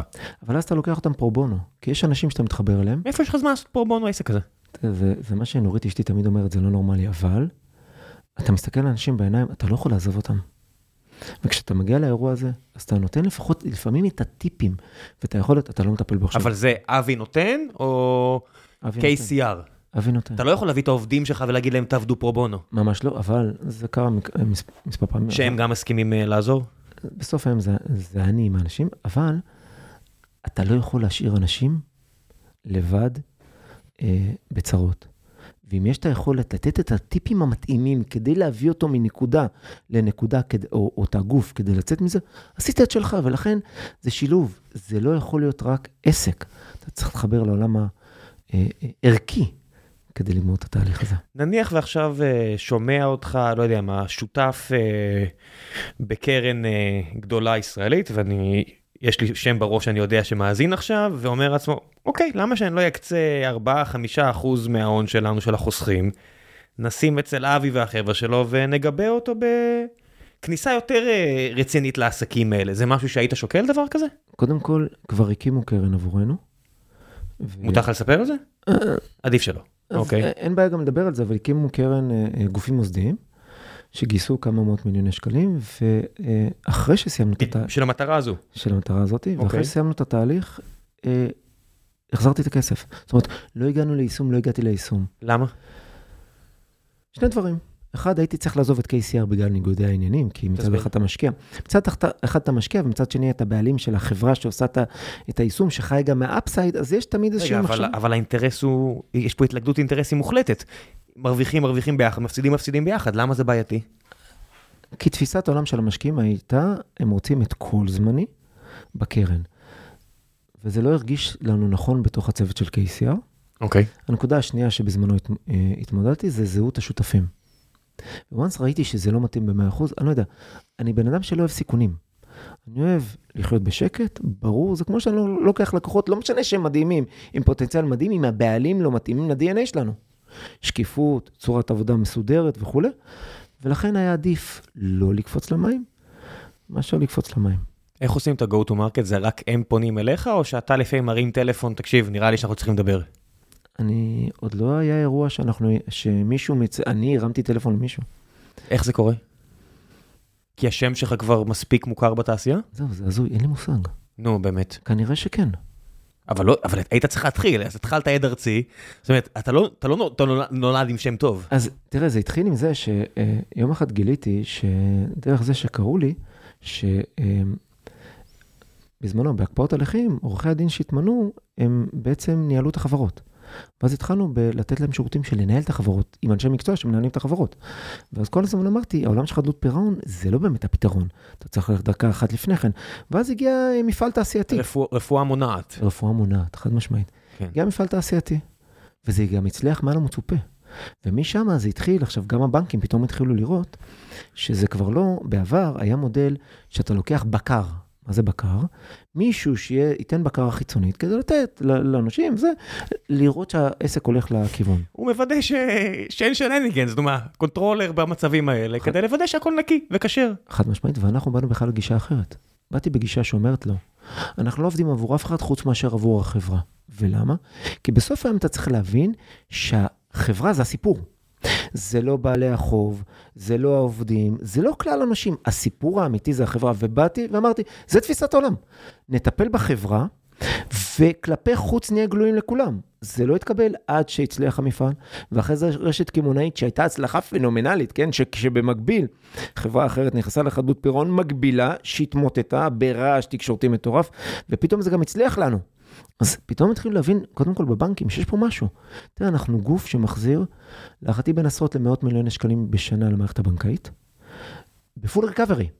עשרות, רגע, בוא נגיד עשרות עד מאות, שאחרת היו כנראה נעלמים. זה, זו הנקודה. חד משמעית, ופול ריקאברי. זה עוזר לתנאים? זאת אומרת, אם uh, עכשיו uh, הפועלים רואים שאתם מעורבים בעסקה, אז פתאום uh, צריך ערבויות פחות קשיחות? צריך, אפשר לתת בפחות ריבית? אני לא יודע אם זה המהות, עוד לא התמודדתי, אני אגדיר את זה אחרת. כשהתמודדנו בבקשות, תמיד היו מאוד נוחים איתנו, אבל צריך להבין, המהות זה לא ה... בוא נפתור את הבעיה עם הבנקים, זה ממש, זה רחוק מזה. לבנקים יש את כל האינטרס להחזיר את הכסף. המקצוע שלהם זה למכור כסף. כן, הדבר האחרון שבנק רוצה, זה שהוא יצטרך להשתלט על חברת נדל"ן ועכשיו למכור נכסים בעצמו, קטס... כי אלוהים יודע שהם, שיש כמה אנשים בבנק שאוהבים נדל"ן, וכל שאר האנשים בבנק עושים להם את המוות ולא נותנים להם לעבוד. עכשיו, יותר גרוע מזה זה בחברות בנייה, שזה קטסטרופה. מאיזו בחינה? ש... עכשיו תחשוב שחברת בנייה קורסת, מה קורה? מי מתמודד עם זה? מי הולך לבנות את הפרויקטים? זה מטורף. יש לך אנשים שעוד שנייה כבר נכנסים לשלב שצריך להביא להם שכר דירה כי החוזה הסתיימו ה-36 חודשים. אירוע חסר שליטה, ואם זה בשליטה בצורה קיצונית, ולכן כל בעלי החוב, אני אומר כולם, בנקים, נשים חוץ-בנקאים, כולם יעשו את הכל. עכשיו, מה קורה? אותם בעלים של חברות מנסים למצוא פתרונות באירוע מתגלגל. לספר סיפור פה ולספר סיפור שם. עכשיו, לפעמים הם מאמינים בסיפור, רק זה לא המציאות ב-100%, כן? בואו נגיד את זה בצורה עדינה. ומה שקורה זה מדקה לדקה, משבוע לשבוע, מחודש לחודש, זה מתעצם ומתעצם, ובשלב מסוים אתה לא מסוגל לשלוט. זה יוצא משליטה שלך, ואז נשבר האמון. כשנשבר האמון, אי אפשר להחזיר את זה בחזרה. זה בטוח. אה, זה, זה יוצא מצב שאתה בעצם לומד על כל תחום מחדש, די, נגיד הכרתי את המנכ"לית פה, אני ודאי מכיר, של פלנטיר ישראל לשעבר, אתה אומר לי, כל דבר שאנחנו נכנסים אליו, זה כיף, אנחנו לומדים משהו חדש, ואז הידע נשמר אצל פלנטיר, זאת אומרת, זה גם אצלכם, נכנסתם לסופרים, אז עכשיו אתם מומחים לסופרים עד לפעם הבאה? ברור. איך לומדים תחום חדש? כי בסופו של דבר עסק זה הרבה מעבר לאקסלים. זאת אומרת, נכנס כסף, יוצא כסף, זה בסדר, זה נכון לכל עסק, אבל יש את הסיקרט סוס לכל תעשייה, וזה מאוד שונה. אין הבדל. זה יישמע אולי מוזר. כי בסוף יש אה, המרג'ינים והכל, זה מספר את כל הסיפור. כי תפיסות העולם, בסופו של דבר, הן דומות. בכל עולם תוכן, אתה תמצא את אותו ניתוח, באותה גישה, אתה יודע, אני אלך אפילו הכי קיצונית. איך אתה בונה תקציב בעולם של פרויקטים קצרי טווח? עכשיו, פרויקטים קצבי טווח, טווח יכולים להיות בעולם ביטחוני, יכול להיות כמעט בכל דבר. עכשיו, זה מתודולוגיה, אין הבדל אם אתה עובד בעולם ביטחוני, שאנחנו שמה, לבין אתה עובד בעולמות שונים לחלוטין. זה אותה מתודולוגיה שרצה מקום למקום, ולכן אין הבדל אם זה סופרים, אין הבדל אם זה רשתות אחרות של אה, הלבשה, הנעלה שטיפלנו, אין הבדל אם זה בעולם של קמעונאות, אה, אה, נו, בנייה, נדל"ן, מלונאות, הכל. בסוף, אותו דבר. תזכור, אנשי המקצוע יודעים לעשות את המקצוע שלהם. אנחנו נבוא ונכיל את האירוע, נטפל במשבר, נייצר שקיפות, נבנה את התהליך, ומה שמדהים, הם מסתכלים אחורה והם לא מאמינים. זה יוצא שאתה עובר ביום נתון מחברה לחברה פשוט? אתה מתכוון על 20 כאלה. איך? איך זה עובד? זאת אומרת, מה, יש לך כזה איזה דוסיה כזה, איזה תיק כזה עם אה, כל המסמכים החשובים, ואתה מנער את הראש, שוטף את הפנים עם אה, מים ואומר, טוב, אוקיי, הגעתי לחברה א', היא מתעסקת בנעלי ספורט, הנה המאזנים, בוא נשב. זאת אומרת, אתה לא רוצה להביך את עצמך, אתה לא רוצה להגיע ולהעביר אה, נתון מחברה ב' בטעות לחברה א', אז איך, כמה זמן אתה לוקח עצמך להתכונן אפילו לפגישות? קודם כל, זה לא יכול להיות ב', זה כבר מיומנות של, מיומנות של האנשים. כי זה הצוות שבא איתך. כן, זה מדהים. והם יהודיים לכל חברה? זה מדהים, אנחנו בונים את הצוות היהודי לכל חברה. כמה אנשים זה? אנחנו בחברה היום 13 איש, אה, וכל, היופי זה כל אחד מהאנשים הפך להיות, כמה שזה נשמע אבסורד, לסופרמן. היכולת שלנו, או של, של בן אדם, לנהל בזמן נתון איקס חברות, היא מטורפת. עכשיו, זה כמו שנורית אשתי, היא... חלק מהצוות, גם רותם הבן שלי, הוא מנהל את כל פעילות ה-BI, כן? והוא מסיים אה, מנהל עסקים אה, השנה, והם לפעמים רואים את הקצב שאני עובד עכשיו, אני לא יודע, זה, קודם כל אני נהנה מזה ואני חי מזה. עכשיו, זה היכולת לנהל איקס אירועים במקביל, לשלוט עליהם, ושכל אחד ירגיש כאילו היחידי בעולם. כן, על מה הוא משלם לך? זה שתקדיש לו את התשומת לב ותעזור לו לצאת מהבור שהוא חפר לעצמו. ואצל כולם זה אותו אירוע, רק עם כל מיני סיגמנטים קלים בשוליים, אבל זה חוזר על אותו דבר. זה אותם נשים, שאתה מגיע לאותם אנשים, ואתה מדבר, עכשיו כבר יש את האמון, הם יודעים מי אנחנו, הם יודעים מה אנחנו הולכים לעשות. אתה מציג את המצגת, הניתוח הראשוני שלנו פותח את החברה בצורה שאף אחד לא האמין, אף נושה, אף בנק, אף מממן לא ראה את החברה, כפי שהיא, אתה פעם ראשונה רואה את כל המכלול, וכשאתה רואה את כל המכלול, אתה עובר לשלב השני, שהשלב השני בעצם, זה מה אני הולך לעשות. עכשיו, צעדים אופרטיביים ברורים, הולכים לעשות 1, 2, 3, 4, 5, וכולם יודעים ש-1, 2, 3, 4, 5 יקרו. ואם הם לא יקרו, דקה אחרי זה אנחנו לא נמצאים. אין מצב שנהיה באירוע, שנתכנן משהו, הוא לא יקרה לא כי אה, אנחנו לא רצינו, כי יש איזשהו אה, אי הבנה עם הבעלים, או חוסר רצון של הבעלים, ושנמשיך ללוות את האירוע. לא יקרה. כי אנחנו חיים על שני דברים, על אמון, אני מדבר ב-KCR, ועל השם והמקצועיות שלנו. פגעת באחד משני הדברים האלה, אין לנו ביזנס. כמה פעמים קורה שאתה מסתכל על עסק ואתה אומר, וואו, המנכ"לית הזו לא מבינה עד כמה העסק הזה יכול להיות גדול. אני רוצה להיכנס אה, פה בעצמי. בכל חברה שנכנסנו. אתה רואה אותם, למה, מה הסיבה? אתה רואה אותם בנקודות הכי נמוכות שהם, אתה פוגש, או קצת מעבר לזה, אם הם קולטים את האירוע לפני. ואתה רואה לאיפה הם יכולים להגיע. בתהליכים שהם מצד אחד, כשאני אומר פשוטים, המילה פשוטים, זה עוד פעם, זה מקצוע. זה כמו שרופא, מומחה, מאוד ברור לו מה צריך לעשות. זה כמו שאתה במקצוע שלך, אני לא יכול ללמד אותך, נכון? אתה רואה את מה שאתה עושה, וברור לך מה צריך לעשות. לנו מאוד ברור מה צריך לעשות. ולכן, לנו, זה יחסית, זה כמו ללכת לרופא מומחה, זה ברור לו. שם אנחנו נמצאים. זה קצת, אה, כשהייתי בצבא, שיחקתי עם כלבים אה, בעוקץ, וכשאתה מגיע לאירוע, אז אם אתה למשל, אז היה צוות שנקרא צוות נרדפים, אז הגשש מסתכל ואומר, אתה בא לקחת לי את העבודה. אז כולם אוהבים אותך, חוץ מהגשש, שבטוח שאתה בא לקחת לו את העבודה. זה נראה לי כאילו, אצלך אתה מגיע, כולם אוהבים אותך, חוץ מה-CFOית, שאומרת, אתה באת להוציא אותי לא טוב. או לא יודע מה, אם זה לא CFOית, אז VP Finance, או כל שם מונפץ אחר למי שאחראית על הכסף בחברה. ובסוף, היא לא הציגה את השקיפות שאתה הולך לעשות עבורה. הם לפעמים, זה לא עניין של שקיפות, הם לא מסוגלים לעשות את השינוי כי לא נותנים להם. תזכור, אנחנו פוגשים אנשים מוכשרים בצורה מדהימה, אבל נמצאים באירועים שזה לא המקצוע שלהם. זה אנשים שתיקח אותם לכל מקום, הם אלופי העולם. אבל באירוע המשברי הם צריכים את הסיוע. אתה הולך לרופא מומחה כדי שיפתור לך את הבעיה, כדי שתדע להתמודד איתה ולצאת חזרה לרוץ, אוקיי? כמה מהעבודה שלך זה בעצם להיות פסיכולוג שלהם? אה, לא מעט, אבל היופי, היופי, אני לפעמים יושב עם אנשים ואומרים, תקשיב, איתו זה בלתי אפשרי, ואיתה זה בלתי אפשרי, ואיתם זה בלתי אפשרי. מי אומר לך את זה, אנושים? אה, לא, אה, נגיד מנהל הכספים או סמנכ"ל או לא משנה. מדברים אחד על השני המנכ"ל, כאילו. כן, על הבעלים שזה בלתי אפשרי, ואני אומר להם, זה קל.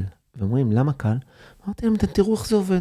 עכשיו, כשאנחנו באים עם חוות הדעת שלנו, קשה לבוא ולהגיד, אה, מה אתה מבלבל את המוח? כי הרקורד שלנו, עברנו כל כך הרבה חברות, שלא משנה לאיפה הם ילכו, הם יבינו, זה הצליח, זה הצליח, זה הצליח, זה הצליח, אז זה לא יכול לא להצליח. עכשיו, once בהסכם שלנו הם גם לא מקשיבים, תודה רבה, לא קרה כלום, הלכנו. הכל בסדר. אז אתה כבר נכנס למסלול שכשבא אליך משנה למנכ"ל, כן, דוגמה, או בכירה במערכת הבנקאית, ומתיישבת ואומרת את דעתה, זה יותר טוב מכל אחד אחר, כי זה המקצוע שלה. כשבא בן אדם שזה המקצוע שלו, כן, בחיים, בניהול, כן, ועשה כבר עשרות חברות, ובא ואומר, צריך לעשות 1, 2, 3, 4, אין מישהו שידע לעשות את זה יותר טוב ממנו, אין דבר כזה. כי הוא עבר כל כך הרבה אירועים משברים, והוא ידע מה צריך לעשות. כן, יש סיטואציות שהן נגיד שונות לגמרי, אני מסתכל למשל על כל החברות קנאביס בארץ. האיבד הייתה שלילית, כי זה רק הבטחה גדולה, זה יותר דומה להייטק מאשר לסופרמרקט. יש רגולציה שהיא מאוד לא ברורה, מאוד קשה, מסנדלת. זאת אומרת, אתה רואה את הרווח מולך, אתה אומר בואנה זה פצצה, אבל הרגולציה לא באה לך טוב, לא באה לטובתך. ומצד שני, יש סחורה גם שאתה, שהיא שווה הרבה כסף, ומגדלים והכל. זה, זה משהו שאתה היית לוקח על עצמך, או שהסיפור הזה מסובך מדי, אה, קודם כל- לא בר שליטה? אני לא חושב שהוא מסובך מדי, אבל כמו בכל ארגון, אתה צריך בסוף היום למצוא את ה... מה צריך לעשות כדי לעשות את השינוי. אני לא חי בעולמות של אבידה שלילית, או יהיה טוב, או שוק. אנחנו חיים בעולם מסורתי ופשוט. אנחנו צריכים לוודא עסק שהעס- אמיתי. שהעסק ירוויח כסף. כי אם אין לו שום סיכוי להרוויח כסף, לא ניכנס פנימה. אם חיים על מכפילים ועל שווים, זה לא. זה לא כלי המשחק שלנו. אנחנו צריכים לוודא שהחברות ירוויחו כסף. ואם אין סיכוי, אנחנו לא נטפל בזה. מבין, זה ההבדל. אני כבר, אה, לא יודע, יותר מעשור חי בעולם של, אה, זה יותר פסיכולוגיה מאשר הכל, כי בסוף בריבית אפס אין איך לעשות כסף בצורה קלה, אז מביאים ליזמי טק עם חלום, אומרים להם, או שתפגע ותעשה 100x, או שבסדר, הלך הכסף, הכל טוב. מלבד הכל, הכל טוב, כי כשמאבדים כסף אף אחד, שום דבר לא הכל טוב. אבל זה הרבה עניין של פסיכולוגיה, של להראות שעדיין יש סיכוי לפגוע ב-100x הזה. זאת אומרת, ברגע שאתה אומר, אוקיי, אני עכשיו מרוויח כסף, הכל יציב, אבל גדל לאט. איבדנו עניין, ביי.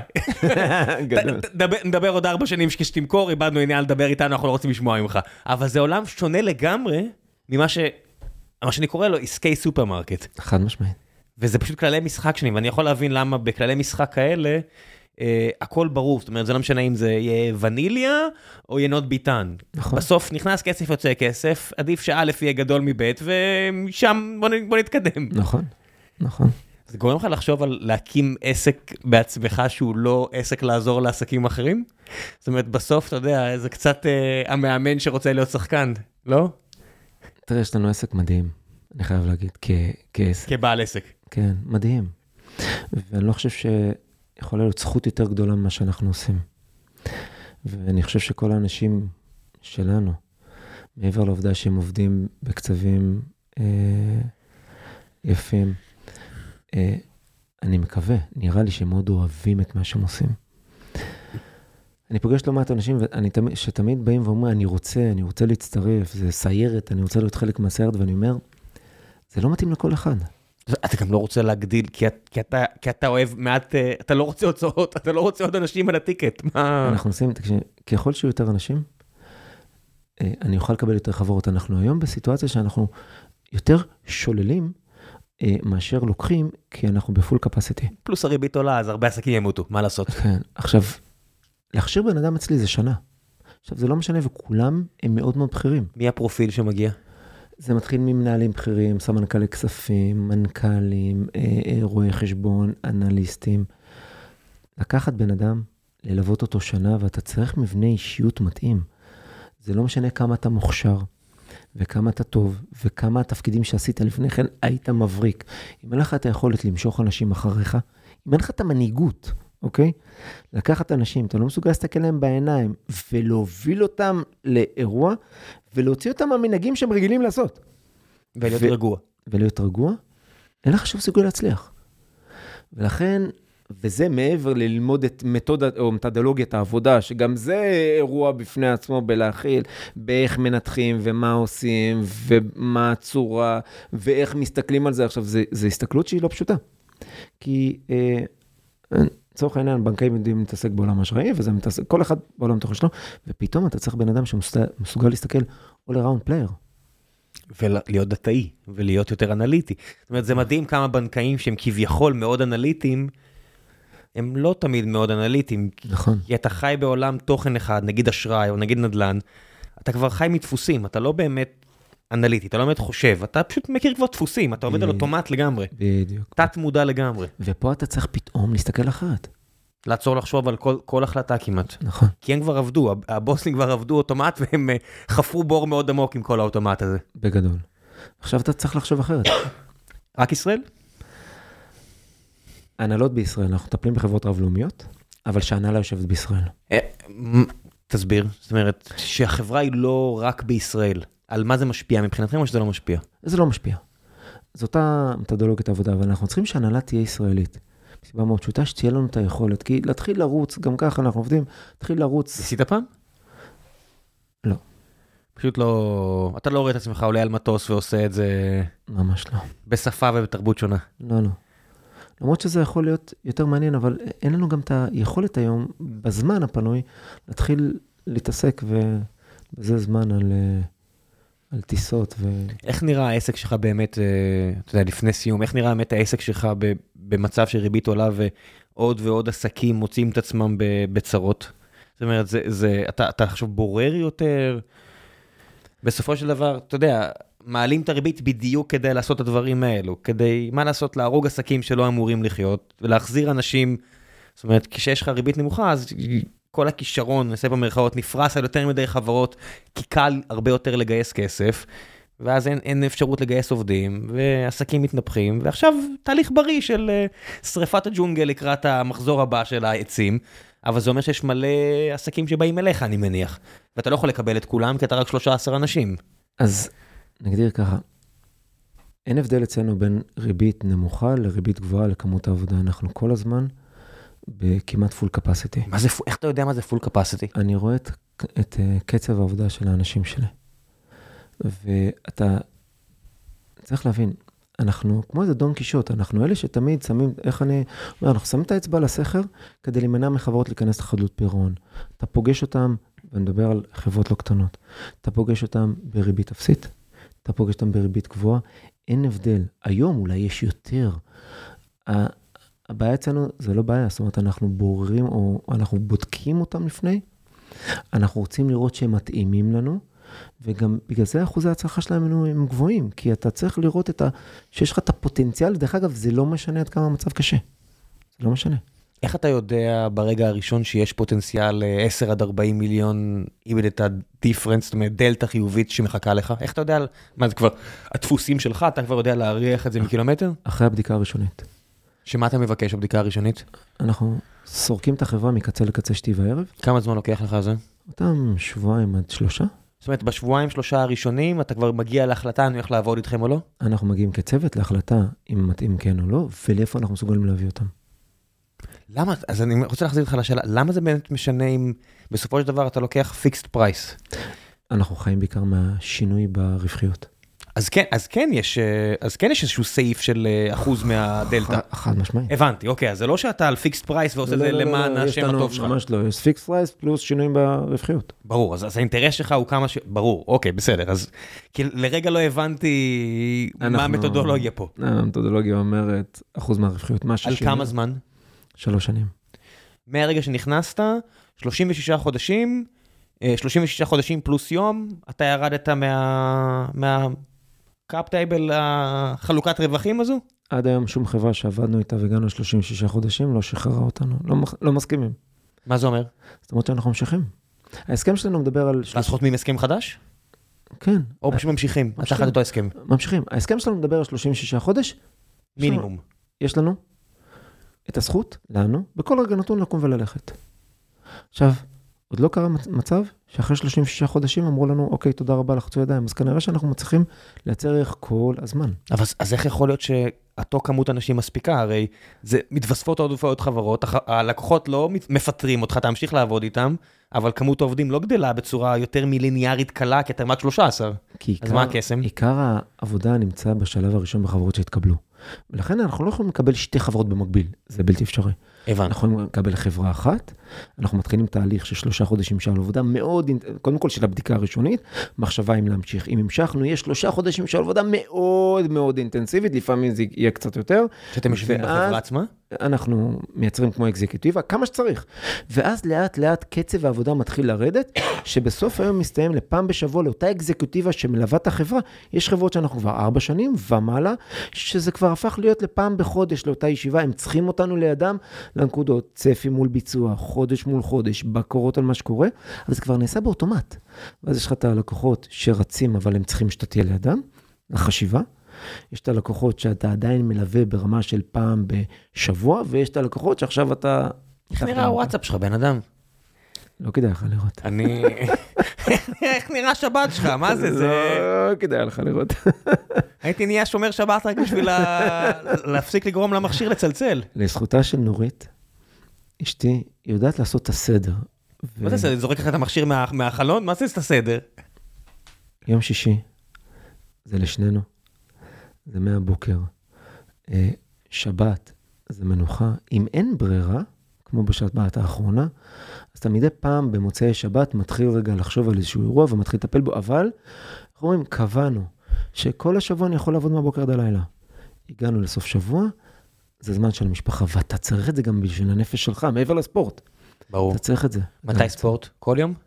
כן, בוקר מוקדם. איך אתה עושה, מחלק שחייה, אופניים, ריצה, כל יום משהו אחר? עכשיו זה גם אוסף אה, חדר כושר וחדר כושר לכוח וגם קצת MMA. אתה צריך את זה. איך הגעת ל-MMA? כמו כל דבר, זה בא מהבן שלי, ש? שהתחיל את זה ומשך אותי גם כן לשם. ועכשיו זה כל דבר מגיע בתקופות, כן? כי אתה צריך את הטירוף הזה שיעשה את השינוי הזה ויאזן לך את המוח. וזה מוקדם בבוקר. שמע, כש, כשנועה דלת עולה על במה ו, ומגיע עם פנס בעין ואומר, חבר'ה, הכל טוב, אין בעיה. אבי, אתה מבין שאם אתה תבוא עם פנס בעין או שן מקדימה חסרה, זה ממש יפגע בקרדיביליות שלך. יש לי יתרון אחד, אני יודע לרוץ מהר. זה לא עוזר. אתה יודע, כשאתה על המזרן עם מישהו אה, והוא סוגר עליך, זה לא עוזר. לרוץ מהר זה נחמד, אבל אה, כל לא- הקטע ב-MMA שזה לא... אתה רוצה לרוץ, תחזור. לאיירון מן. אבל ברצינות, איך הגעת לזה? מג'ו-ג'יצו, מהאגרוף? מה- לא, לא, זה כמו כל דבר, זה אתה פתאום נתפס על משהו ואתה אומר, אוקיי, הנה עוד משהו שאתה צריך לשבור איזה מחסום, אוקיי, שלא נגעת בו ולא טיפלת בו, ואמרת, טוב, אוקיי, אז אתה עכשיו מתחיל איזשהו תהליך, אתה רגע מתמכר, ואז אתה מוריד ואתה אומר, אוקיי, עשיתי וי, היה מעניין, בוא נחזור לזה עוד מעט. ועכשיו, איך אתה- זה, כי זה, אתה צריך לפעמים את ה... שמע, השילוב בין איירון מן ל-MMA, אה, יש כמה. זאת אומרת, יש... אה, שזה זוג אחים בקליפורניה, אחים דיאז, שזה אחלה עבורם, הם עשו מזה יופי של קריירה, השילוב הזה בין טריאטלונים, איירון מן ו-MMA, כי מה לעשות שזה ספורט שהסיבולת לב ריאה היא ממש אה, חשובה בו, ולרוב האנשים אין סיבולת לב ריאה. נכון. אז את זה אתה הבאת מהבית, אבל את כל השאר, אני אומר, מה לכל ארוחות אתה עושה, תגיד לי. אבל בשיא הרצינות, מה זה, כל יום- כל בוקר אתה פשוט קם נורא מוקדם? כמה נורא מוקדם, ועוד פעם, תזכור, זה גם החבר'ה. אז זה גם... מתוך השלושה עשר כולם ב... לא, זה חבר'ה כבר עכשיו בכלל מה- מהיישוב, אז זה בכלל, אתה צריך רגע את החבר'ה ואת ה- את ה- על הבוקר ואת ה... אתה הכנסת את כולם? ממש לא, זה אני התחברתי לתוך הדבר הזה כבר לפני המון המון שנים, ואז זה הפך להיות ל, לאותה קבוצה של אה, לא מעט אנשים, שאתה כבר חלק מהאירוע הזה של הספורט, של הריצה, של האופניים, שאתה חי את זה. ואז ההומור המתאים, וזה הדרך לפרוק את ה... שמע, רק על הסיכוי שמשהו יקרה לברך שלי ואני לא אוכל לרוץ או ללכת, אני לא... זה זה כמו שאתה יודע, אנשים יודעים, אין, אין, יש אפס סיכוי שאני אעשה סקי, כי אם עכשיו אתה לוקח ממני את האפשרות ללכת או לרוץ, אני משתגע, אני נהיה בלתי אפשרי, גם ככה אשתי רוצה לרצוח אותי עכשיו, זה לא, אין פה מה, אתה לא יכול לקחת ממני את, את, את האפשרות ללכת או לרוץ, זה לא, לא הולך. איך אתה עושה את זה לעצמך? מה יש לך? לא יודע, עד עכשיו זה הצליח לי, אני מקווה שזה לא הולך לא להשתנות אחרי לא התוכנית. הזאת. לא, לא, אני לא פותח פה, אני אפסיק פה. טוב, המלצות מהצד שלך לפני אה, סוף הפרק, מה שבא לך, אין לי רגולציה. תמליץ על כל מה שבא לך. מעבר ל... אם אתם עכשיו בקשיים, אה, בואו ל-KCR. אל תרימו ידיים, אל תוותרו, לא משנה כמה המצב קשה, אל תוותרו. בסופו של דבר, תיקחו את האנשים המתאימים, את הכלים המתאימים. היינו באירועים שהבעלים, אף אחד לא האמין שאפשר אה, לצאת מהאירוע, ידענו לצאת משם. אל תרימו ידיים, ניתן לעשות את זה. ספר, סדרה, סרט שקולעים לרוח הזו שבא לך להמליץ עליהם? לא יודע, אני צריך לחשוב. זה, זה מצחיק שאתה יודע, את, ה, את הלקחים שאתה מדבר עליהם, אתה יכול לקרוא באלף ואחד ספרי ניהול, ועדיין, אה, זה כמו ש... אתה יודע, כשאתה מאחורי אה, מסתור ויורים עליך, לצאת החוצה, זה לא משנה, עד שאתה לא בסיטואציה הזאת, זה לא... לא משנה כמה פעמים אה, תתרגל את זה. בסוף אה, זה לא קורה אם אתה לא... יושב לי בראש כבר הרבה זמן לכתוב ספר. ולא משנה איזה שיטות ניהול אתה מכיר, או ראית, או קראת, ספר שמתמקד בעולם המשברי. ולתת רגע, לתת את התובנות של מה שאנחנו חווים, ולהוציא את זה החוצה כדי להגיד לאנשים, או להסביר לאנשים, יש סיכוי. פגשנו כבר לא מעט אנשים שהגיעו לבית משפט רק בגלל הלחץ הפסיכולוגי, ולפעמים שינויים קלים. מסוגלים לאט לאט להוציא את העסק, ותזכור, אנחנו חיים מהדלתא שאנחנו מייצרים. אנחנו לא באים בתור, לשם שמיים, זה נכון, זה שליחות חברתית והכול, אבל אנחנו בסוף עסק. היום, זה עסק מעולה מה שאנחנו עושים. הוא חי במה שאנחנו מייצרים. ולכן אני אומר, אל תרימו ידיים. ואם אתם מרימים ידיים, אל תתקשרו אליי, כי אני לא... אני- כי אני- לא איתכם. שם. אני לא אעבוד איתכם. חד משמעית. אני מניח שיש שופטים אה, כלכליים שרואים אותך ואומרים, אוקיי, נראה לי נחסך לי איזה שלוש שנים של אכילת ראשים. תשמע, זה, זה גם ב... כמו בבנקים, גם במערכת המשפט או בכנר, הצלחנו, אני מקווה, פתאום לעשות שינוי שבא ואומר, אוקיי, בואו נתמקד לעולם של, בעולם של הריקאברי בתור, אוקיי, גם תיקון 4 שהכנר יצא, או משרד המשפטים שבא ואומר, בואו נלך להסדר חוב. זה עוד רחוק מצ'פטר 11. צ'פטר 11 הוא קלאסי. מה עושים בארצות הברית? בסוף היום, מה, הבסיס זה החברה. החברה תמשיך לעבוד, שימו חברה שתדע לפקח וללוות על האירוע הזה, נעצור רגע ובואו נבריא אותה. כשנגיע לשלב הבא של כמו צ'פטר 11 בארץ, נעשה Game Changer אמיתי, ואז החזון שלנו, או שלי,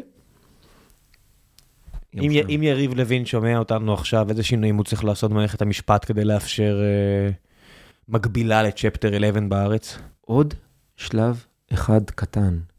אחד מהדברים היפים, סיגל יעקבי, הכנר הקודם, הגיעה כדי לראות עם הצוות שלה חברות שברנו, כדי לחיות. וכל התיקון, תיקון הקורונה שהכנר או משרד המשפטים הוביל, היה מהלך יפה שבא ואומר, רגע, תעצרו, החברה רוצה להציל את עצמה.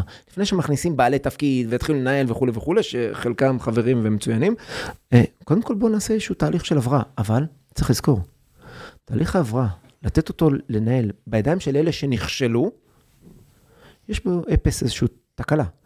אתה צריך לעטוף אותם בגופים שזה המקצוע שלהם, וככל שיהיו יותר ויותר חברות כמונו, שידעו לקחת אה, צוות מולטי דיסציפלינרי, שידע לבוא לחברות האלה ולעשות את תהליכי הטרנראונד, תהיה יותר ברכה, הם יצאו מההליך, בריאים יותר, מסודרים יותר, עם יכולת לרוץ למשך עשרות שנים. זאת אומרת, אתה אומר, לא, אל תשנו לי חקיקה, פשוט תשנו את ה-mindset, את ההלך רוח של אה, אל תרוצו ליישם את החוק כלשונו, תחכו קצת ותנו לחברות הזדמנות להבריא. נכון, וגם אם אתה נכנס לתוך ההליך, תשים סביב הבעלים צוות שיודע לעשות את העבודה. זה לא מספיק. זאת אומרת, תכריח. אל, ת, אל תשאיר למנכ"לית אפשרות בחירה, אלא תגיד לה, אני מבקש לדעת מי הולך ללוות אותך בתהליך הזה? חד משמעית, כי צריך לזכור, זה אותם אנשים שהגיעו למקום הזה. הם יחזרו לנהל את החברה באותן שיטות שהם מנהלים אותם. עכשיו, חלקם מדהימים, מקסימים, אבל דיברנו על זה. ניהול משברי, זה ניהול משברי, זה לא משנה אם זה בתוך ההליך של חדלות פירעון, או מחוץ להליך. אתה צריך צוות שידע לעשות את השינוי. כן, אני, אני אז בשלב הזה אמליץ על uh, The Hard Thing About Hard Things של בן הורוביץ, הוא קורא לזה War Time CEO לעומת Peace Time CEO, יפה, והוא אומר שזה שני דברים שונים לגמרי. Uh, כל השנים האלו של uh, ריבית נמוכה בוואלי, כולם שנאו את הביטוי הזה War Time CEO, כי... רק רצו לפנק, לפנק, לפנק, כי למה לא? כי נורא קל לגייס כסף. והנה, פתאום חזרנו למלא war time CEOs, כי... כי מה לעשות שאי אפשר רק לפנק, לפנק, לפנק. חד משמעית. הסיפור הזה בסוף uh, לא מתכנס לשום דבר uh, חיובי, כי בסוף יש גם uh, נושים, נושים, נושים. טוב, אבי, תודה רבה רבה על הזמן שהקדשת. נהניתי. יאללה, ביי. ביי.